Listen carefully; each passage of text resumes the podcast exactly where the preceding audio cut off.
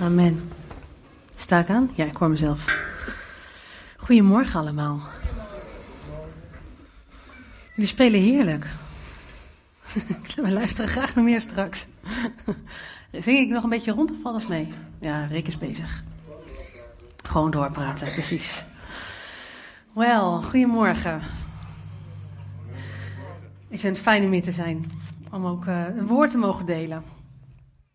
Velen van jullie weten wel dat. Uh,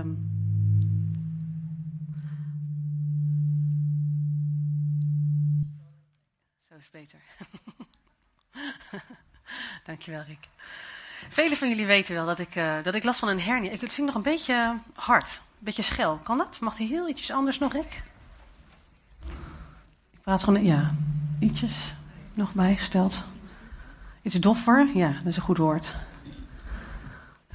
Zo gek als je praat. Ja, ik weet niet. Als je praat en je hebt een soort van klank in je hoofd, dat is een beetje gek. Dat loopt een beetje, dat praat een beetje lastig. Maar goed, dat, uh, ik ga gewoon beginnen en uh, Rick, jij, uh, jij bent mee aan de slag. Dankjewel. Velen van jullie weten wel dat. Nou, dit wordt toch wel lastig.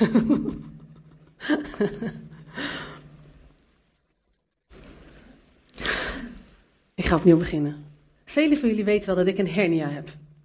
En een hernia is een, uh, je hebt je ruggenwervel en er zitten allemaal uh, wervelschijven in. En daartussen, in, tussen die wervelschijven, heb je dus de tussenwervelschijf. En als die door een of andere gekke beweging um, ja, scheef uh, schiet, dan zit de zenuwbaan die door je wervelschijf, of de, door, je tussen, of door, je ruggenwervel loopt, die raakt dan bekneld. En dat is echt wel vervelend. Kan ook echt wel pijnlijke klachten geven. En als gevolg daarvan is, uh, nou eigenlijk al een jaar lang, zolang dat heb mijn, uh, mijn been een beetje, mijn voet een beetje doof. Dus best wel vreemd is dat. En uh, nou, dat kan iedereen gebeuren. Een hernia, dat is iets wat, wat best makkelijk kan, schijnt. Maar je hebt een verhoogd risico, dankjewel Rick, dat is prettig. Je hebt een verhoogd risico als je je spieren niet goed getraind hebt. En nou, had ik ook niet echt gedaan. Vroeger bij ons thuis had sporten niet echt een, een prio. Je mag eigenlijk het eerste plaatje al doen, Michael. Uh, sporten had bij ons niet echt een prio. We hadden daar niet heel veel geld voor, maar het was ook niet echt iets wat, wat we belangrijk vonden. En uh, ja, dan denk je van nou prima, je kan prima zonder sport leven. Maar ja, toen ik een jaar geleden een ongeluk kreeg, toen uh, ja, werd het best wel vervelend. Want toen kon dus de spiergroep van mijn rug die, die val niet opvangen en schoot er een hernia in. Ja, nu moet ik dus wel sporten, dat doe ik ook. Ze moeten als het ware zorgen dat de hele spiergroep versterkt wordt, waardoor um, de zwakke plek in mijn lichaam weer wat opgevangen gaat worden. Iets wat wel aandacht kreeg bij ons thuis vroeger, uh, was eten. Eten was iets wat wij graag deden, dat doe ik nog steeds heel graag. En uh, ik vond het best lastig om als gevolg daarvan uh, om um, lekker eten te laten staan dat deed ik dan ook liever niet, dus dan liet ik gezond eten lekker, liever staan. Um, dus op een gegeven moment was het zo dat ik soms in plaats van een maaltijd een lekkere koek at. Nou, je kan je wel bedenken wat, daar, uh, wat het doet met je lichaam, dat is niet heel gezond. Ik heb ook een periode uh, behoorlijk wat crashdiëten gedaan. Dat is een dieet dat je nou, niet zo heel veel eet. Beetje raar eten ook. En dat hield best goed. Zeker in mijn twintig jaren ging dat echt best prima. Maar ja, je kunt je voorstellen dat gezond wel een beetje anders is. Ja, ik weet dat wel, dus nu probeer ik op een andere manier uh, daar vorm aan te geven. Want ja, je wil er toch goed uitzien en je wil je ook gezond voelen. Um, dus nu doe ik op een andere manier, probeer ik daar wel uiting aan te geven. Wat eigenlijk het beste helpt, is discipline. Als je discipline hebt voor je lichaam, dat werkt eigenlijk het beste. Als ik gewoon uh, de keuze maak om gezond te eten, dat is veel gezonder dan dat ik het alles maar een beetje compenseer, zeg maar. En het wel wil, maar het eigenlijk niet doe. En zo'n keus, die maak je van binnenuit.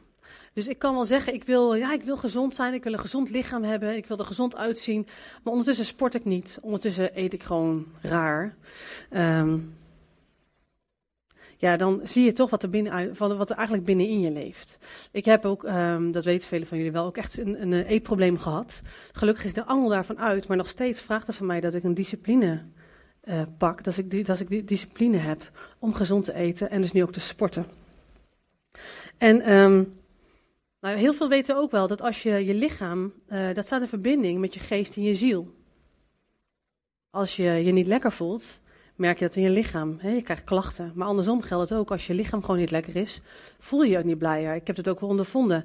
Ehm, voor in de meivakantie, in die periode, hadden we een gezinsvakantie. Hadden we een super gaaf klimbos. En iedereen hing in die bomen, behalve ik. Ja, want ik kon dat niet. Ik kon daar niet bij. Dat was niet goed voor mijn rug. Dus dat is helemaal niet leuk. Dus je voelt gewoon dat het invloed heeft. Het, je, het kan je somberder maken. In de eerste periode van mijn jaar was ik ook wat vergeetachtiger. Dus het heeft allemaal verbinding met elkaar. Het, uh, heeft, het is belangrijk dat je aandacht hebt voor je lichaam, want het beïnvloedt gewoon de rest van jezelf. Nou is er in de Bijbel ook een uh, tekst die over het lichaam gaat. En dan wil ik graag, uh, ja dankjewel, 1 Korinthe 12 wil ik met jullie lezen. Een lichaam is een eenheid die uit vele delen bestaat. En ondanks hun veelheid vormen al die delen samen één lichaam. En zo is het ook met het lichaam van Christus. Wij zijn alle gedoopt in één geest en zijn daardoor één lichaam geworden. Wij zijn allen uh, van één geest doordrenkt, of we nu Joden zijn of Grieken. Of we nu slaven of vrije mensen zijn. Immers, een lichaam bestaat niet uit één deel, maar uit vele. En als de voet zou zeggen: Ik ben geen hand, dus hoor ik niet bij het lichaam, hoort hij er dan werkelijk niet bij? En als het oor zou zeggen: Ik ben geen oog, dus hoor ik er niet bij, hoort hij er dan werkelijk niet bij? En als het hele lichaam oog zou zijn, waarmee het, zou het dan kunnen horen? En als het hele lichaam oor zou zijn, waarmee, waarmee zou het dan kunnen ruiken? God heeft nu eenmaal alle lichaamsdelen hun eigen plaats gegeven, precies zoals Hij dat wilde. En als we met elkaar slechts één lichaamsdeel zouden vormen, zou dat dan een lichaam zijn. Het is juist zo dat er een groot aantal delen is en dat die delen met elkaar één lichaam vormen. Het oog kan niet zonder de hand, uh, tegen de hand zeggen: Ik heb je niet nodig. En het hoofd kan het evenmin tegen de voeten zeggen. Integendeel, juist die delen van het lichaam die het zwakst lijken, zijn het meest noodzakelijk. De delen van ons lichaam waarvoor we ons schamen en die we liever bedekken, behandelen we zorgvuldiger en met meer respect dan die waarvoor we ons niet schamen. Die dat, die hebben dat niet nodig. God heeft ons lichaam zo samengesteld dat de delen die het nodig hebben ook zorgvuldiger behandeld worden, zodat het lichaam niet zijn samenhang verliest. Maar alle delen elkaar met dezelfde zorg omringen. Wanneer één lichaamsdeel pijn lijdt, lijden alle anderen mee. Wanneer één lichaamsdeel met respect behandeld wordt, delen alle anderen in die vreugde. Want nu, u bent het lichaam van Christus. En ieder van u maakt daar deel van uit. En deze tekst beschrijft eigenlijk wat ik heb ondervonden. Want mijn spieren hebben dus daadwerkelijk met mijn rug te maken. En mijn maag en mijn darmen hebben met mijn vetweefsel te maken. En mijn benen hebben met mijn rug te maken. Ik bedoel dat ik een dove voet heb, heeft gewoon met mijn rug te maken. Dus het heeft een samenhang. En Paulus die um, maakt een link naar de gemeente, die ook zo functioneert deze tekst is natuurlijk een hele bekende tekst. Het was eigenlijk een tekst waarbij ik altijd een beetje schaapachtig dacht. Natuurlijk, we horen bij elkaar. Weet je zo van, ja natuurlijk is dat zo. Jij hoort bij mij en dat is allemaal fijn, nou, dat zegt de Bijbel. Maar heel eerlijk gezegd, ik denk dat iedereen hier wel eens heeft gedacht. Dat is wel leuk hè, dat het er staat. Maar weet je, als ik mezelf van niet kan vertrouwen, dat staan die andere lichaamsdelen. Maar de Bijbel is heel duidelijk. Wel nu, u bent het lichaam van Christus. En ieder van u maakt er deel van uit. Vers 27. Dus of we nou willen of niet, we horen bij het lichaam. En dat betekent niet alleen dat we bij Jezus horen, maar wij horen bij elkaar. Ik hoor bij jullie en jullie bij mij. Jezus is het hoofd van het lichaam, Efeze 5. En wij zijn er voor Hem. Hij werkt door ons heen. Uh, en Hij is er voor ons en zijn lichaam. Dat staat in Korinthe 6. En zoals ik innerlijk waarde mag hechten aan mijn lichaam, wat blijkt uit de keuzes die ik maak, of ik discipline heb of niet, zo hecht Jezus ook waarde aan zijn lichaam, aan ons. En niet alleen aan ons persoonlijk, zoals we hier zitten en zoals je zometeen weer naar huis gaat, maar ook aan ons geheel, zoals we hier zijn.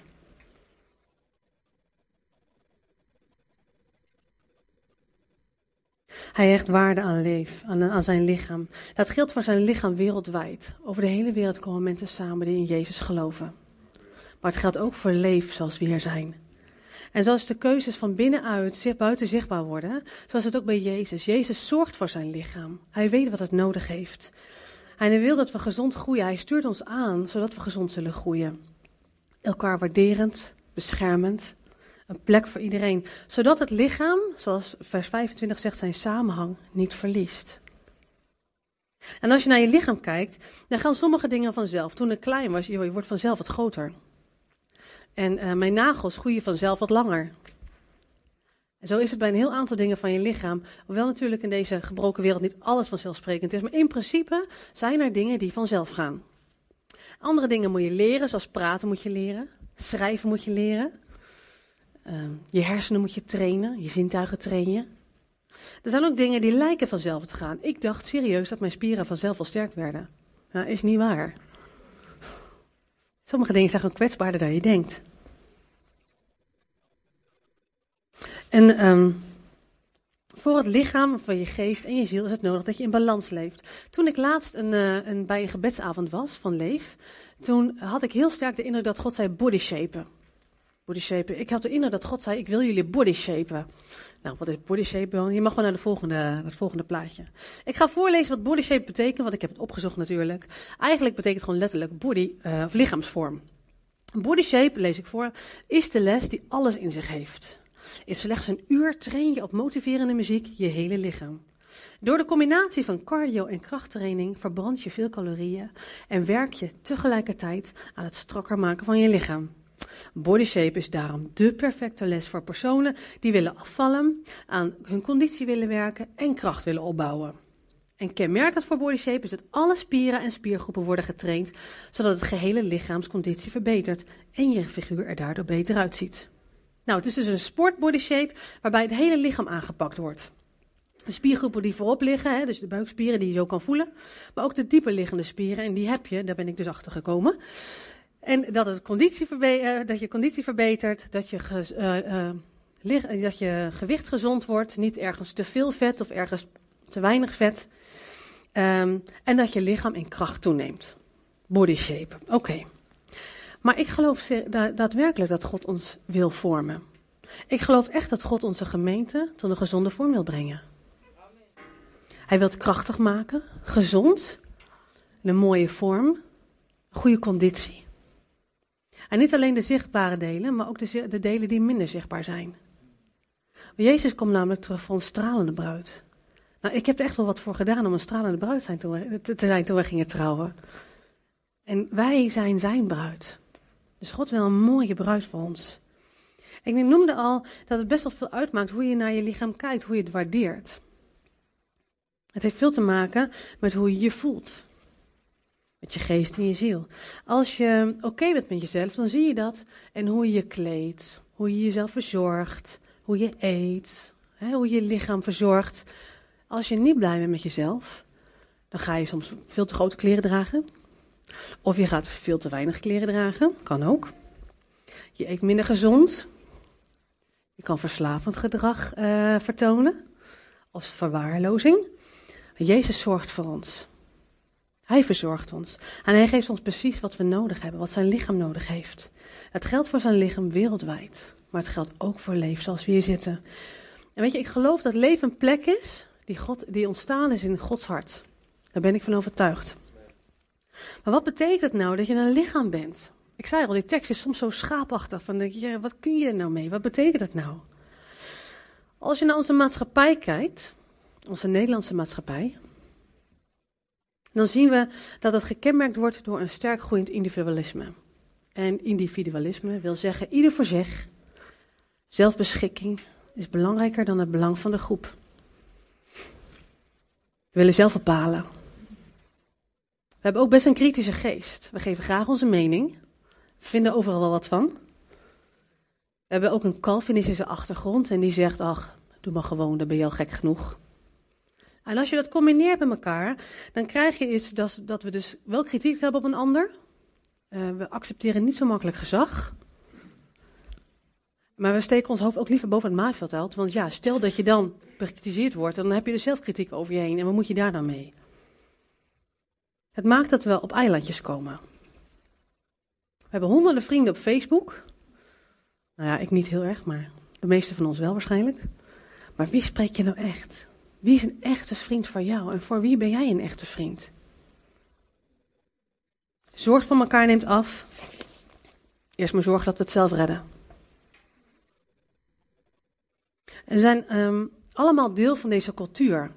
Een cultuur betekent dat het als het ware in je is. Het is in je ingelegd. Hè? We doen het bewust, onbewust dat we vanuit deze waarden leven, ook in de kerk in Nederland. We hebben het niet door, want dat is cultuur. Je hebt het niet altijd door dat het zo is. En als je naar andere culturen kijkt, daar zijn familierelaties heel belangrijk. We hebben veel Indische mensen hier in ons midden. En ik denk dat die wel kunnen getuigen dat familiebanden heel belangrijk zijn. In onze cultuur in Nederland willen we dat ook, maar we zijn zo druk. Het is zo'n hectische tijd. Je moet gewoon twee verdiener zijn, wil je een huis kunnen kopen. Ja, en dan willen we wel contacten, maar ja, je hebt ook die agenda nodig, want eigenlijk naast werk en al die activiteiten willen relaties gewoon niet zo makkelijk. Maar de Bijbel spreekt over een lichaam bestaande uit verschillende delen die allemaal een samenhang hebben. Je mag naar het volgende plaatje. Dankjewel. En het is maar goed dat God een voorbeelden spreekt die we altijd bij ons hebben, zoals een lichaam. Daar hebben we tenminste een beetje beeld bij. Dat helpt mij wel in ieder geval. En voor ons als Nederlanders um, is onderlinge verbondenheid niet echt vanzelfsprekend. En ook in onze kerken is samen verbonden zijn, als, als christen functioneren op die manier, niet een geneigdheid. Dus zo zijn we gewoon niet opgevoed. En dat is echt niet zo omdat we egoïsten zijn, dat geloof ik niet. Iedereen wil dit wel. Maar het lukt gewoon niet altijd zo goed. We hebben het niet goed geleerd en we zijn een product van onze maatschappij. En we zijn daardoor een beetje onhandig geworden met elkaar. Hoe ga je om met emoties? We hebben zelfs in Nederland een gezegde die zegt: ja, in moeilijke tijd leer je je vrienden pas kennen. We raken teleurgesteld in elkaar, we stellen een ander teleur. En dat willen we niet, maar het gebeurt wel. God heeft niet voor niets zijn lichaam, gemeente zijn bedoeld en bedacht. Het is niet een regel, maar het komt uit zijn hart. Het verspiegelt iets wat in zijn hart is. Weet je, als wij aan een groep samen denken, tenminste, ik denk dat velen van jullie dat wel herkennen, dan denk je, dat is drukte, gedoe, risico, er zit risico in. Maar als God aan daaraan denkt, dat samen, samen verbonden zijn, dan denkt hij aan bescherming, aan liefde, aan kracht. Hij ziet dat wanneer als jij alleen bent, dan ben je kwetsbaar voor de leugens van de tegenstander. Er is dan niemand die jou zegt hoe de waarheid eigenlijk is. Er is niemand die jou dan bemoedigt, die jou spiegelt. Je bent een makkelijke prooi voor, voor de tegenstander. Je maakt in je eentje wel je eigen verhaal. Maar je hebt eigenlijk ook nodig dat iemand zegt van, joh, maar dat zie je niet helemaal helder. In je eentje kun je wel van jezelf houden, dat kan. Maar je mist het plezier van met elkaar zijn, van elkaar houden. Een ander van jou houdt en jij ook echt van een ander kan houden. In je eentje heb je wel kracht, echt wel. Maar die kan ook uitgeput raken. En als je, soms als je moe bent, heb je gewoon nodig dat een ander sterk is. In je eentje weerspiegel je zeker een deel van de Heer. Hij heeft je gemaakt naar zijn evenbeeld. Maar met elkaar verspiegel je de veelkleurigheid van God. En God wil daarom dat we ontdekken hoe het is om een lichaam te zijn. Hoe verbonden te zijn met elkaar. En als God iets bedenkt, dan zit het zo vol wijsheid, zoveel rijkdom. En ik wil dat kennen. Toont zijn hart. En wat je op dit moment ziet gebeuren in Nederland, niet alleen in Nederland, maar ook in Nederland, is dat we beginnen te ontdekken dat kerk zijn, gemeente zijn, eigenlijk tot nu toe gebeurd is op een manier die eigenlijk helemaal niet zo in de Bijbel beschreven staat. De Bijbel schrijft eigenlijk een hele, heel andere vorm van samen zijn. In de tijd na Jezus is de kerk ontstaan.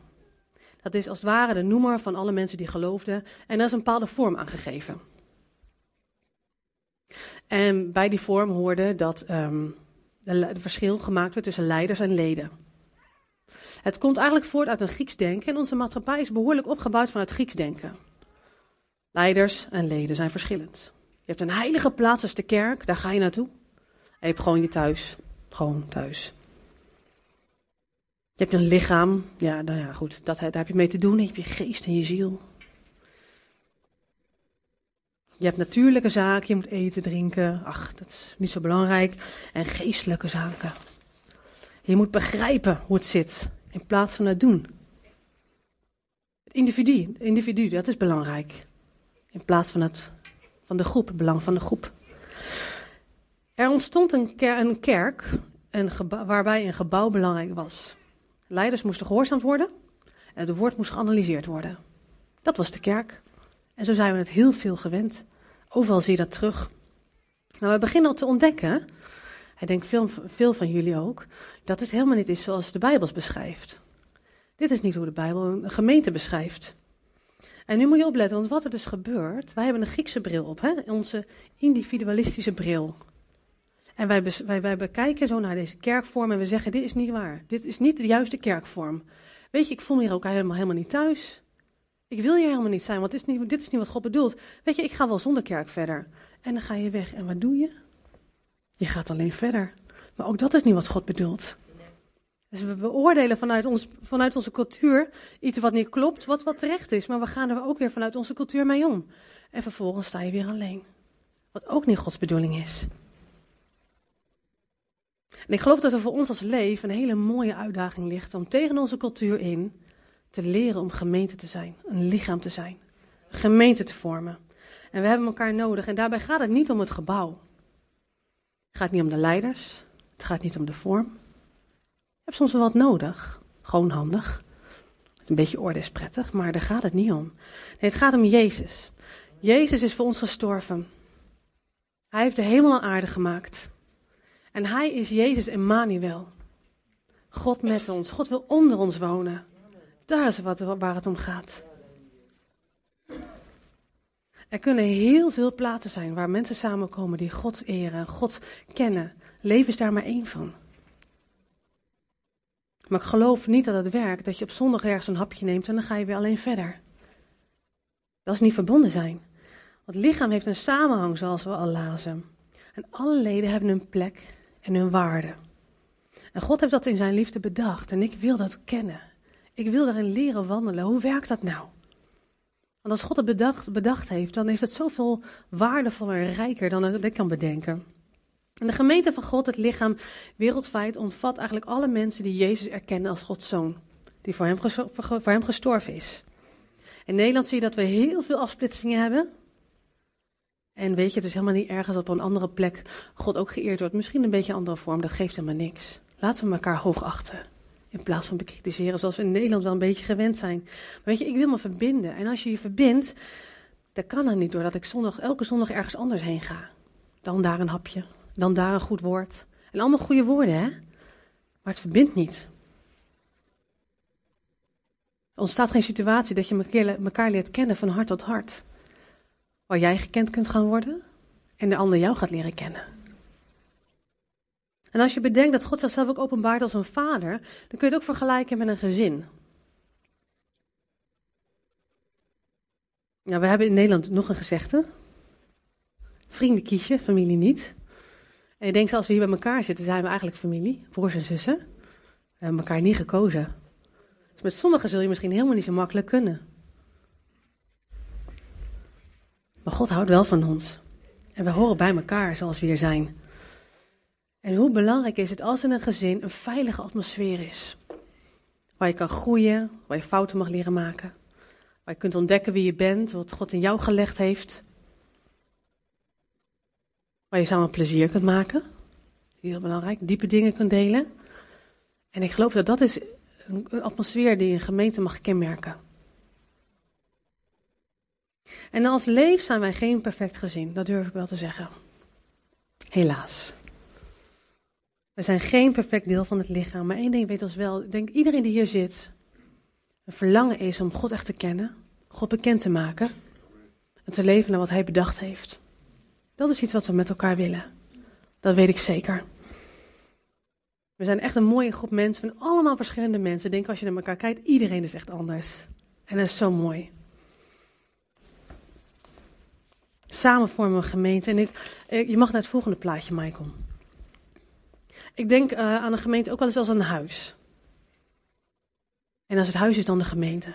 En voor een sterk huis heb je een fundament nodig. Vorige week in de uh, profetie van uh, Albert en Michelle is ook over een fundament gesproken. Ik geloof dat Christian en Nathalie best een sterk fundament hebben gelegd als het gaat om persoonlijk relatie met God hebben. Zij hebben echt voorgeleefd dat het voor iedereen mogelijk is om een gepassioneerde, levende relatie met God te hebben.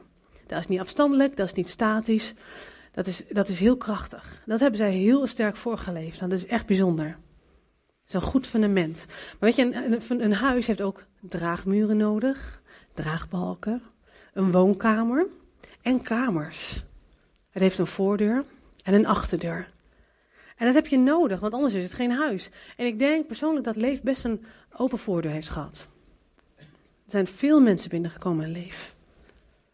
Maar de achterdeur heeft ook al vaak opengestaan. Er kwamen de mensen binnen, die kwamen tot geloof en die ontdekten iets moois. Maar er waren niet genoeg kamers. De achterdeur stond zo makkelijk open. En die zijn we gewoon, die zijn er niet meer. En dat is ook een van de redenen waarom Peter is begonnen met um, dat wanneer je via de voordeur binnenkomt, ook al kennen we je niet heel goed, we waarderen dat. En als je denkt, ergens anders moet ik naartoe, omdat je verhuist of je ervaart ergens een andere plek te, te moeten zijn door de Heer, dan willen we dat heel graag openlijk um, ja, je daarvoor bedanken, je afscheid van je nemen, je uitzegenen. We willen dat die deur, achterdeur niet meer zo open blijft staan. We willen dat het open voordeur hebben. En wat we ook verlangen is dat het een huis is met heel veel kamers. Misschien is dit wel de woonkamer zoals we hier zitten. Maar het zijn allemaal kamers waarin je bij elkaar hoort, kleine groepjes. Het is noodzakelijk dat we een sterke constructie gaan bouwen, zodat er veel mensen bij passen. En de basis van deze samenhang, zoals het woord zegt, de samenhang van het lichaam, misschien ook wel de zuurstof van de, door de aderen van het lichaam kun je zeggen, is liefde. Jezus heeft, God heeft ongekend veel liefde voor ons gehad. En nog steeds. En hij wil een relatie met ons. Maar een relatie bouw je op als het van twee kanten komt. Kijk, God houdt onvoorwaardelijk van ons, dat staat vast. Maar wanneer ik dat niet terugtoon, dan is er geen wederkerigheid.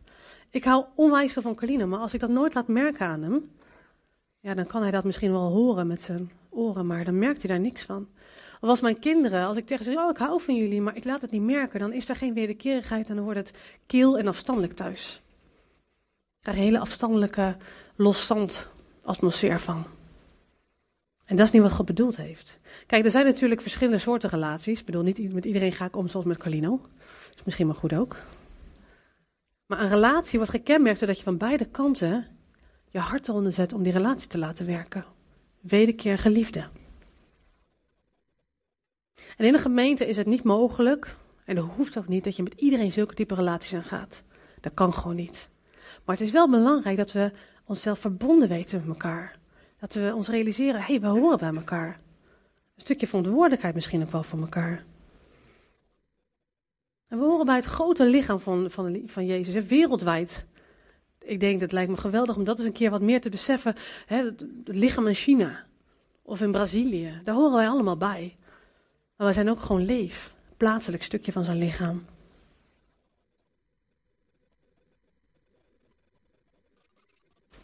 Er zijn velen van ons al beschadigd in de relaties. Relatie is best een ding. En er is best wel veel mis is gegaan in onze levens. Ik denk dat iedereen daar wel iets van kan, van kan noemen. Het is dan ook belangrijk dat we veel genade hebben voor elkaar. Om met elkaar om te gaan. Een ander kan misschien veel beschadigder zijn. Maar heeft het wel nodig om gekend te worden. En het is ook nodig dat wij onszelf laten kennen. Dat is relatie hebben. Weet je, en waar, waar liefde is, daar ga je groeien, daar ga je bloeien. Daar is veiligheid. Daar word je sterker. En dat hoeft niet per se alleen hier op zondag te zijn, hè? Dat gebeurt ook bij de HEMA. Hier in Zutphen. Jee. gebeurt ook thuis. Gebeurt op elke plek waar je met elkaar samenkomt. Daar is de liefde van God aanwezig in ons midden. Het is niet afhankelijk van een gebouw. Het gebeurt ook op zondag hier, gelukkig. Waar we ondervinden dat we bij elkaar horen. Dat God onder ons woont en door ons heen wil werken. En wanneer iedereen nou een kleine groep om zich heen zou hebben, of het een leefgroep is, of een team, of gewoon een groep vrienden bij wie je samen hoort, dan ontstaat er een plek van veiligheid. Je kunt lachen met elkaar, plezier kunt hebben, leuke dingen kunt doen, maar ook diepe dingen kunt delen, waar een stukje bescherming is voor elkaar. Ogen en zorg voor elkaar. Als het even niet goed gaat, dat een ander het ook weet. Dat je niet anoniem blijft. Maar het vraagt een wilsbesluit. Het vraagt een besluit, wil ik dit? Want we kunnen het allemaal wel verlangen, maar als, als ik mijn hart er niet onder zet, als ik niet zie, oké, ik, ik, kies hiervoor. Ik wil me verbinden aan deze mensen. En aan een klein groepje in het speciaal, want groot is niet haalbaar. Maar ik wil me aan het geheel verbinden, maar en specifiek aan een klein groepje. Als je je hart eronder zet, als je een wilsbesluit maakt, dan gaat er daadwerkelijk een relatie ontstaan. Dan kan het echt gaan groeien als we dat met elkaar doen. Betekent een lichaam zijn nou dat iedereen iets in de kerk moet doen? Nou, dat denk ik niet. Weet je, hand, mijn hand is niet bedoeld voor in mijn lichaam. Er is iets voor, bedoeld voor buiten het lichaam. Maar mijn maag is daadwerkelijk wel voor mijn lichaam bedoeld. En zo heeft iedereen zijn eigen plek en zijn eigen waarde. En toch horen we bij elkaar. En bij sommigen is wel eens de indruk geweest, als je in een gemeente zit, dan hoor je per se te evangeliseren. Nou is het natuurlijk wel zo dat iedereen mag Jezus liefde gezien worden. Maar echt evangeliseren de straat op, ja, sommigen voelen zich daar zo ongelukkig bij. Maar die worden heel blij als ze gewoon met een klein groepje samen zijn. En uh, met buurvrouwen bijvoorbeeld een kaartje sturen, weet ik het. Op die manier Jezus liefde laten zien. En anderen hebben misschien wel meegemaakt dat er voorgangers waren, leiders waren. Die zeiden, ja, als jij niet uh, evangeliseert, dan hoor je niet echt bij de gemeente. Maar een hand, kan een hand zeggen, ik hoor niet bij het lichaam, want ik ben geen oor.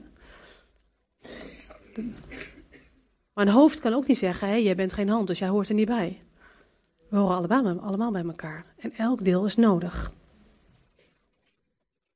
En we hebben het nodig dat ons denken hierin vernieuwd wordt. En dat kost wel tijd, want er is decennia lang een bepaalde vorm van hoe gemeenten zou moeten zijn in ons, in ons denken geplant. Dus het kost tijd. En daarom hebben we ook genade nodig voor elkaar en met onszelf om erin te groeien. Als een ander hier al een stukje meer in heeft ontdekt, dan, ja, dan vraagt er voor die persoon genade voor zijn broer of zus, als diegene het nog iets lastiger vindt om nieuw te gaan denken. Dus we hebben genade nodig met elkaar. Samen gaan we ontdekken wat het is, hoe God kijkt naar gemeente zijn. Ik bid dat we zullen ontdekken waarin we door onze eigen bril, onze oude bril nog kijken. Dat we gaan zien, oh wacht even, volgens mij is dit niet wat de Bijbel zegt. Volgens mij is dat gewoon iets wat er ooit in de cultuur is gelegd. En waarin we ontdekken, hé, hey, maar dit is hoe God het heeft bedoeld. En dan gaan we samen daarin wandelen. En weet je, een cultuuromslag kost tijd, kost een hele, heel veranderingsproces, vraagt genade, is eh, een beetje zoeken. Soms pak je iets, probeer je het en denk je, ah nee, was het toch niet. Maar je bent samen onderweg. Maar belangrijk voor alles is af te vragen: wil je bij het lichaam horen? Wil jij bij het lichaam horen? Of zeg je liever, nou weet je, ik wil wel Jezus, maar doe maar zonder lichaam. Dat kan, dat mag. Niemand kan jou en zal jou verplichten om bij, bij het lichaam te horen. Je mag zelf alleen verder.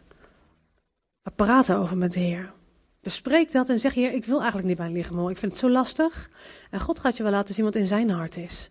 Als je dan met God bespreekt, dan je hart wel zacht van wat hij wil. Dan gaat hij ook wel laten zien hoe jij dan mag staan. Misschien is er wel een heel ander plekje waar je zegt, oh, maar dit is wel voor mijn plek.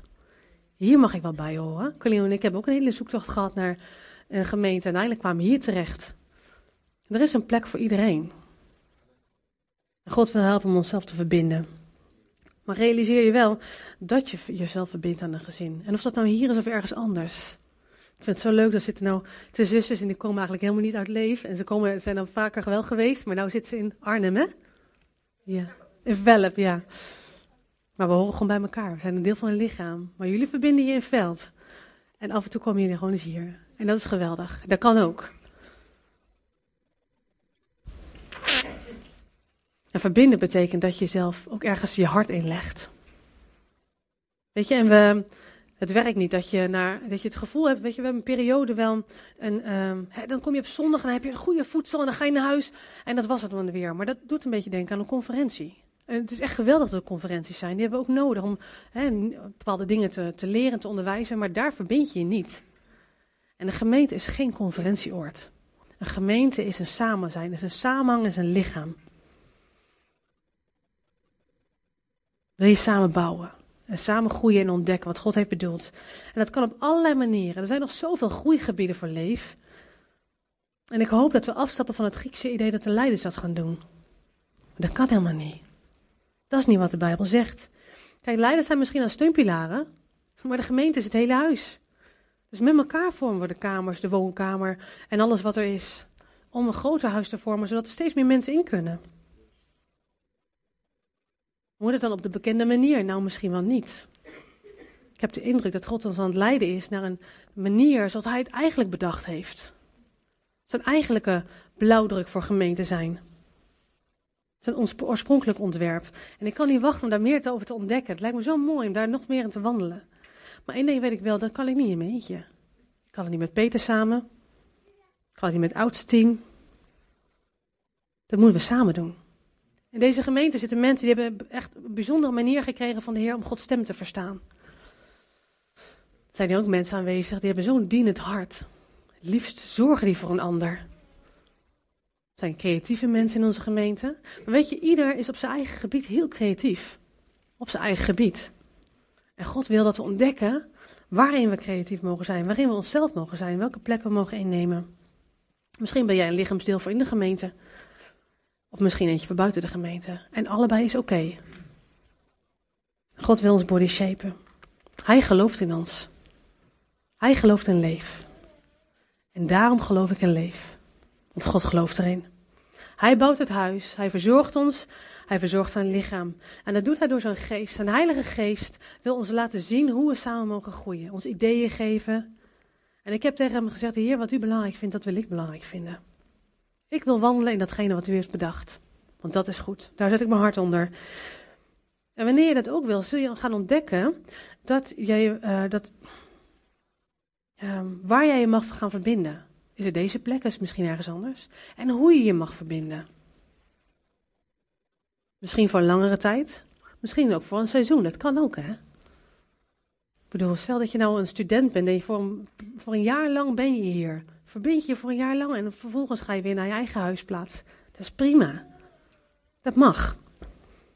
Maar ik verlang naar een cultuur waarin veiligheid is. Genade met elkaar.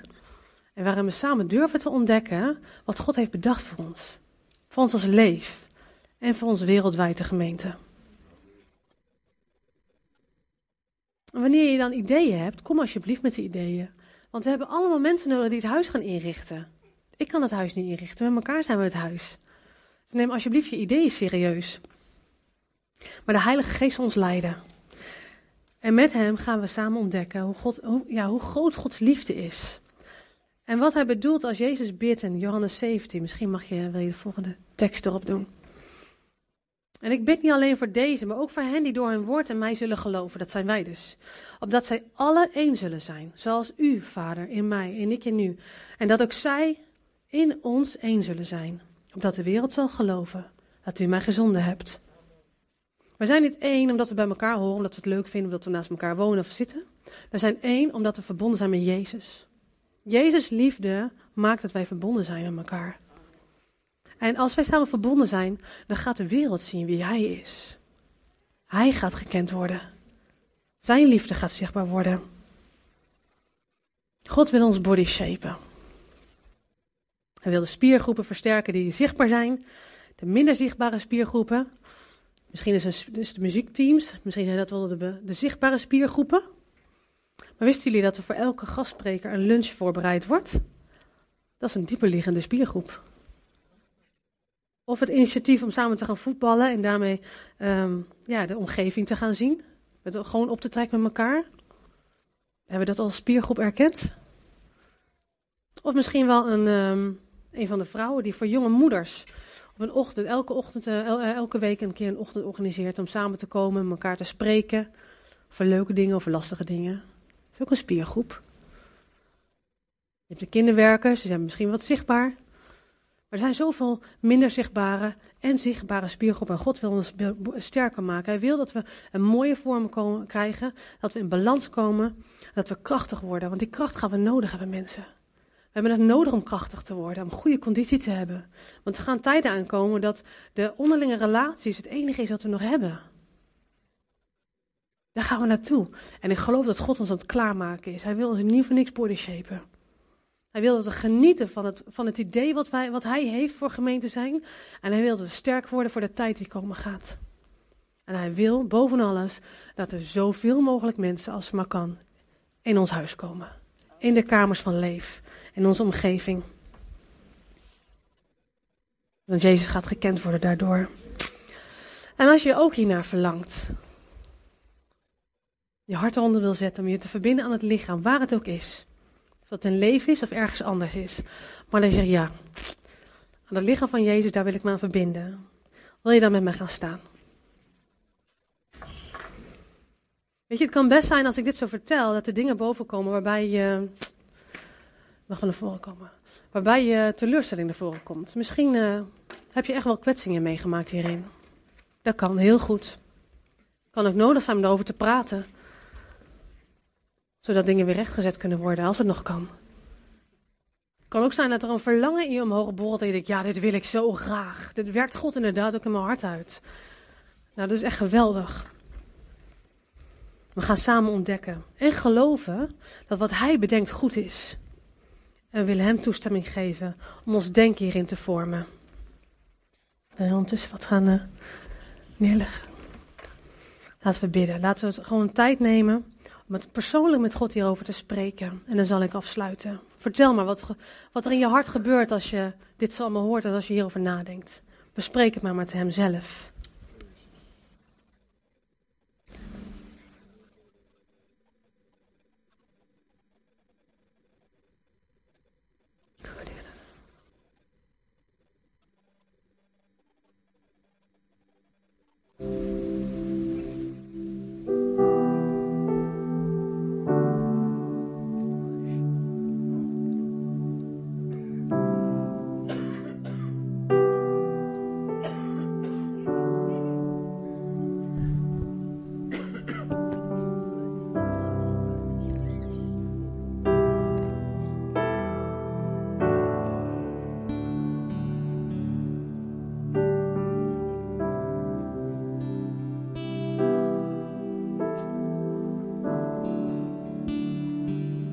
Vader, dank u wel dat u van ons houdt.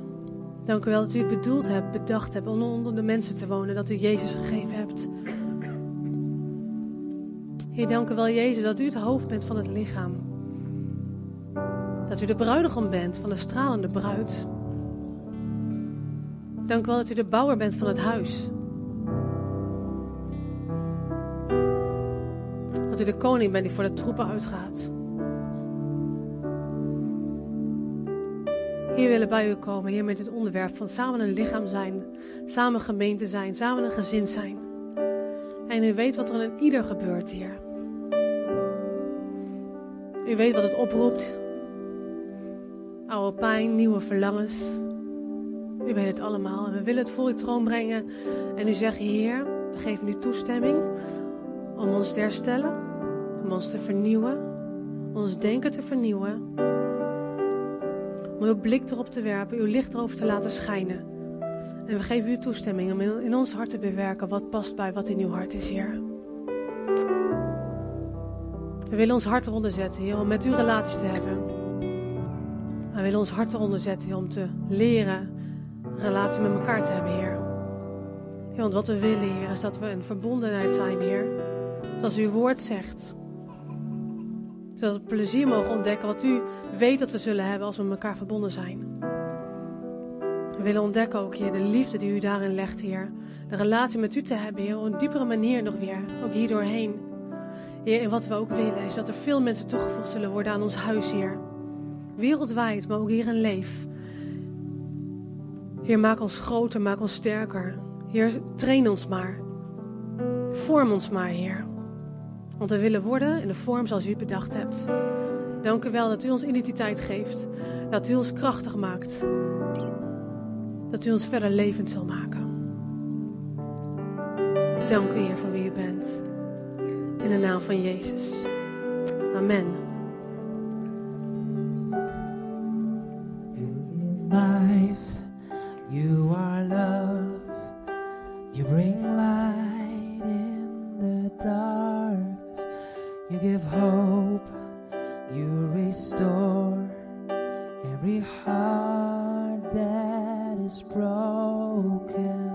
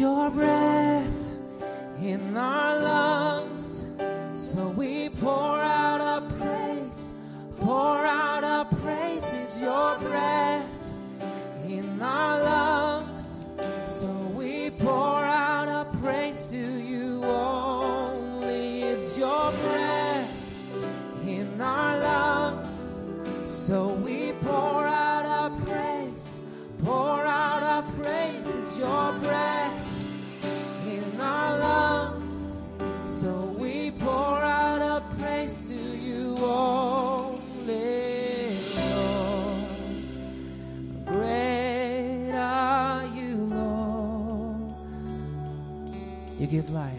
You give life. You are love. You bring light to the darkness. You give hope. You restore every heart.